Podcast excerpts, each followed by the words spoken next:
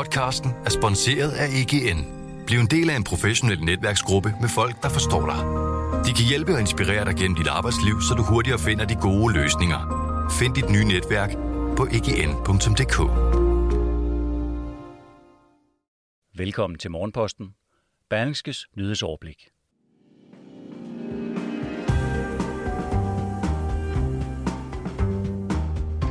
Godmorgen, det er onsdag den 22. december. Mit navn er Mette Melgaard, og Morgenposten kommer i dag med følgende overskrifter. Skolelærer udsættes for vold af de yngste elever i folkeskolen, og det gælder næsten hver anden lærer. Flere eksperter advarer nu om, at testkapaciteten ikke er tilstrækkelig til at sikre kontrol med coronaepidemien ind over julen. Og så beskylder beskæftigelsesministeren oppositionen for at bruge Trump-metoder.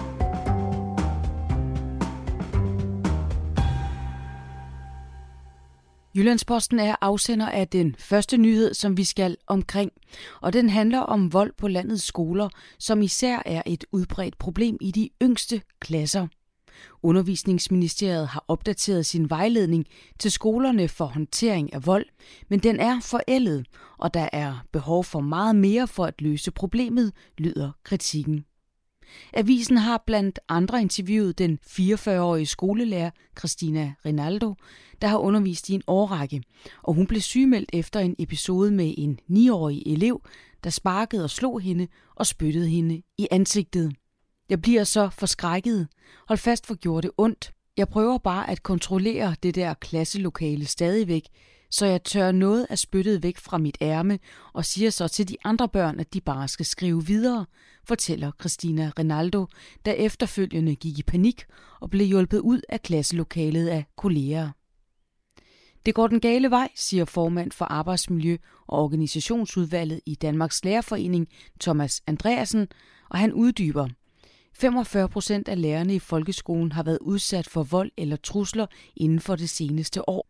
Det giver utryghed, usikkerhed og gør det svært at skabe god undervisning. Det er klart, at det skal der tages hånd om, siger Thomas Andreasen til Jyllandsposten. Og vi bliver ved Jyllandsposten lidt endnu.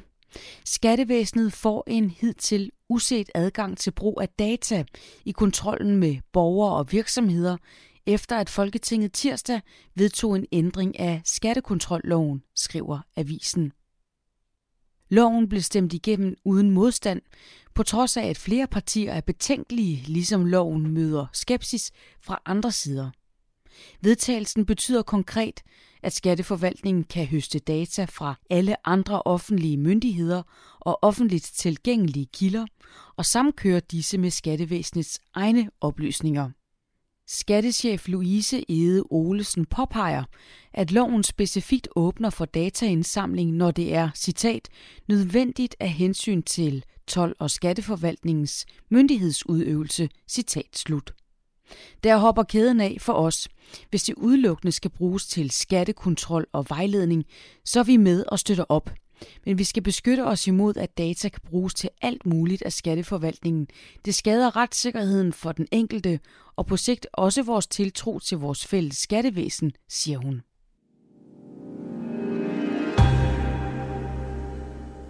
Smittetrykket er nu så højt i Danmark, at myndighederne ser sig nødsaget til at ændre reglerne. Og dermed må vi erkende, at det bliver meget svært at kontrollere epidemien, advarer eksperter. En giftig situation kan udfordre sygehusvæsenet hen over julen. Det er oplægget til dagens lydartikel fra Berlingske, skrevet af Mikkel Fyn Christensen og Christian Birk. Du får her et uddrag.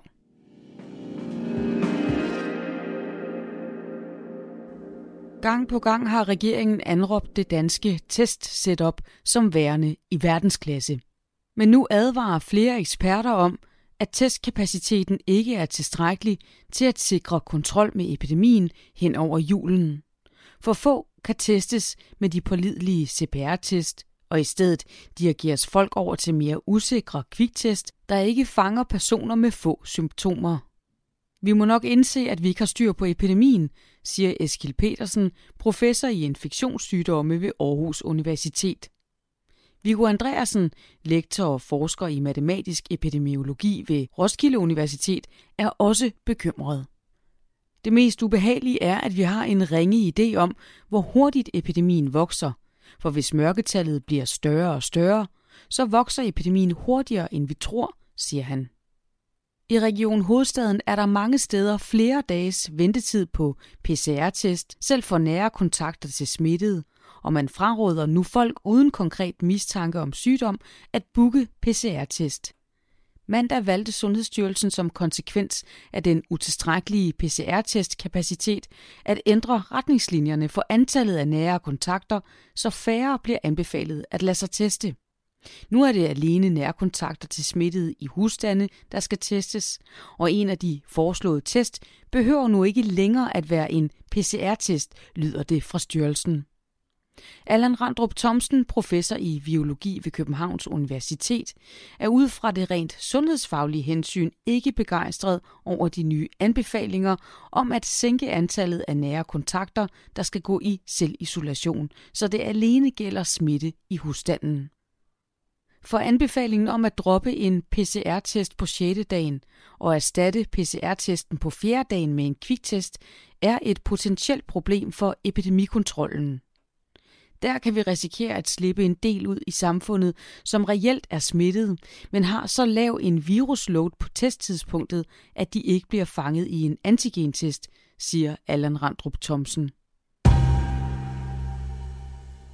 Og når myndighederne har ændret anbefalingerne, skyldes det dels, at udbuddet af PCR-test ikke kan følge med efterspørgselen. Statens Serum Instituts pressetjeneste oplyser, at instituttet aktuelt har en kapacitet på 200.000 daglige prøver, og det er samme niveau som forrige vinter, men smittetallene er mere end tre gange så høje og i kraftig vækst. Pressetjenesten erkender også, at det niveau ikke er nok til at dække landets daglige testbehov, og derfor henvises blandt andet borgere uden symptomer til kviktest. Selvom det ifølge Statens Serum Institut indebærer en stor usikkerhed i registreringen af coronavirus. Du kan som altid læse og lytte til artiklen i sin fulde længde på Berlingskes hjemmeside. Vi er på vej mod amerikanske tilstande i dansk politik. Sådan lyder den opsigtsvækkende advarsel fra beskæftigelsesminister Peter Hummelgaard, som i en række harmdierende opslag på Facebook har beskyldt oppositionen for at have taget ved lære af den tidligere præsident Donald Trump. Klapjagten på statsministeren fortsætter for fuld blus, skrev beskæftigelsesministeren for eksempel 24. november på Facebook. Og Peter Hummelgaard siger i dag i et interview med Berlingske. Jeg mener, der har været et gigantisk og bekymrende skred, og der er sket en amerikanisering af dansk politik med den her sag, siger han, og det er med reference til Mink-kommissionen. Jeg kan ikke huske, hvornår vi har set partiformænd kalde vores stats- og regeringschef for løgner på direkte tv og åbent erklære, at de ikke har tillid baseret på nogle løse gissninger, siger ministeren til Berlinske, med henvisning til henholdsvis Jakob Ellemann Jensen og Søren Pape Poulsen, der i forbindelse med sagen om de slettede sms'er begge udtrykte mistillid til statsministeren. Jeg synes, der er mange paralleller til sagen med Hillary Clinton og de slettede e-mails og de metoder, den amerikanske højrefløj brugte der. Herhjemme er det lykkedes at begå et halvt karaktermord på statsministeren med udgangspunkt i nogle sms'er, som der ikke er nogen som helst indicier for skulle indeholde noget bestemt andet end et underholdende sprogbrug, uddyber Peter Hummelgaard. I eftermiddag, mere præcis kl. 15, afgør Østre Landsret om retssagen mod næstformand i Dansk Folkeparti, Morten Messerschmidt, skal gå om ved byretten. Messerschmidt blev ved retten i Lyngby idømt 6 måneders betinget fængsel for dokumentfalsk og svig med EU-midler. Dommen blev anket til landsretten. Morten Messerschmidt kræver, at sagen skal gå om, og det er med henvisning til, at retsformanden i byretssagen har gjort sig inhabil ved at give likes til en række Facebook-opslag, der kan tolkes som kritiske mod Dansk Folkeparti. Lidt senere i eftermiddag kl. 16 ventes Statens Serum Institut at udsende en status på udbredelsen af den nye coronavariant Omikron, som jo i øjeblikket præger smitteudbredelsen over hele verden.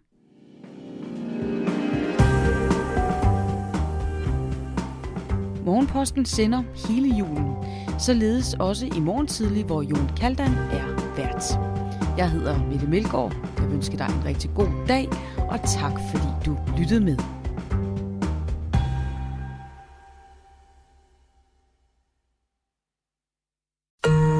Podcasten er sponsoreret af EGN.